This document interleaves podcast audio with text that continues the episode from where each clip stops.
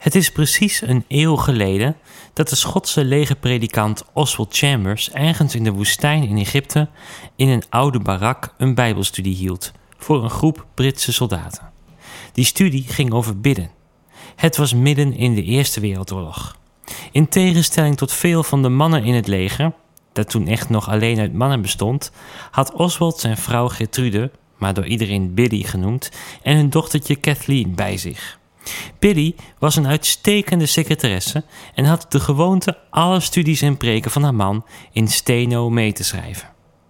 Oswald Chambers overleed een paar jaar later in hetzelfde Egypte, nog tijdens de oorlog. Zijn vrouw heeft de rest van haar leven toegewijd aan het uitschrijven van al zijn preken en studies. Het zijn talloze boeken geworden. Het bekendst is een dagboek, My Utmost for His Highest, in het Nederlands vertaald met Geheel voor Hem. En die titel beschrijft het levensdoel van Oswald Chambers, complete toewijding aan Jezus Christus. Het boek is nooit als zodanig door hem geschreven als dagboek. Maar het zijn 365 fragmenten die zijn vrouw later selecteerde uit de preken en studies. Die preken en studies zijn overigens veelal ook als geheel bewaard gebleven en ik ben ze aan het lezen. Een van de boeken gaat over bidden.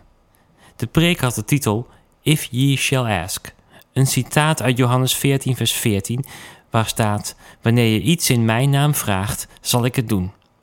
En omdat precies die studie nu een eeuw oud is, wil ik er in deze overdenking een paar gedachten uithalen en met u delen. Allereerst wijdt Chambers uit over het nut van bidden.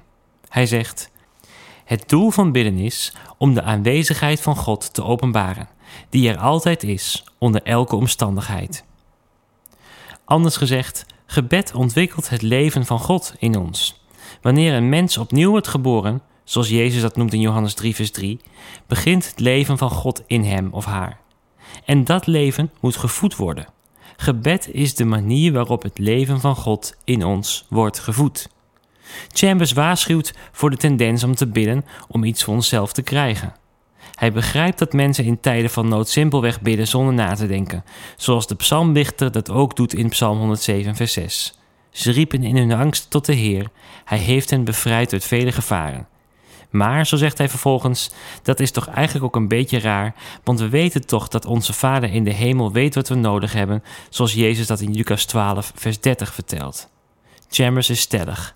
Voor Jezus is gebed niet een manier om iets van God te krijgen, maar om God te leren kennen.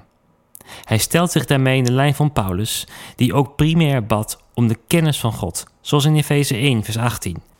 Mogen uw hart verlicht worden, zodat u zult zien waarop u hopen mag nu Hij u geroepen heeft, hoe rijk de luister is die de heiligen zullen ontvangen. Hm, ik zal nog meer overdenkingen nodig hebben om over bidden na te denken, maar dit is een mooie stad.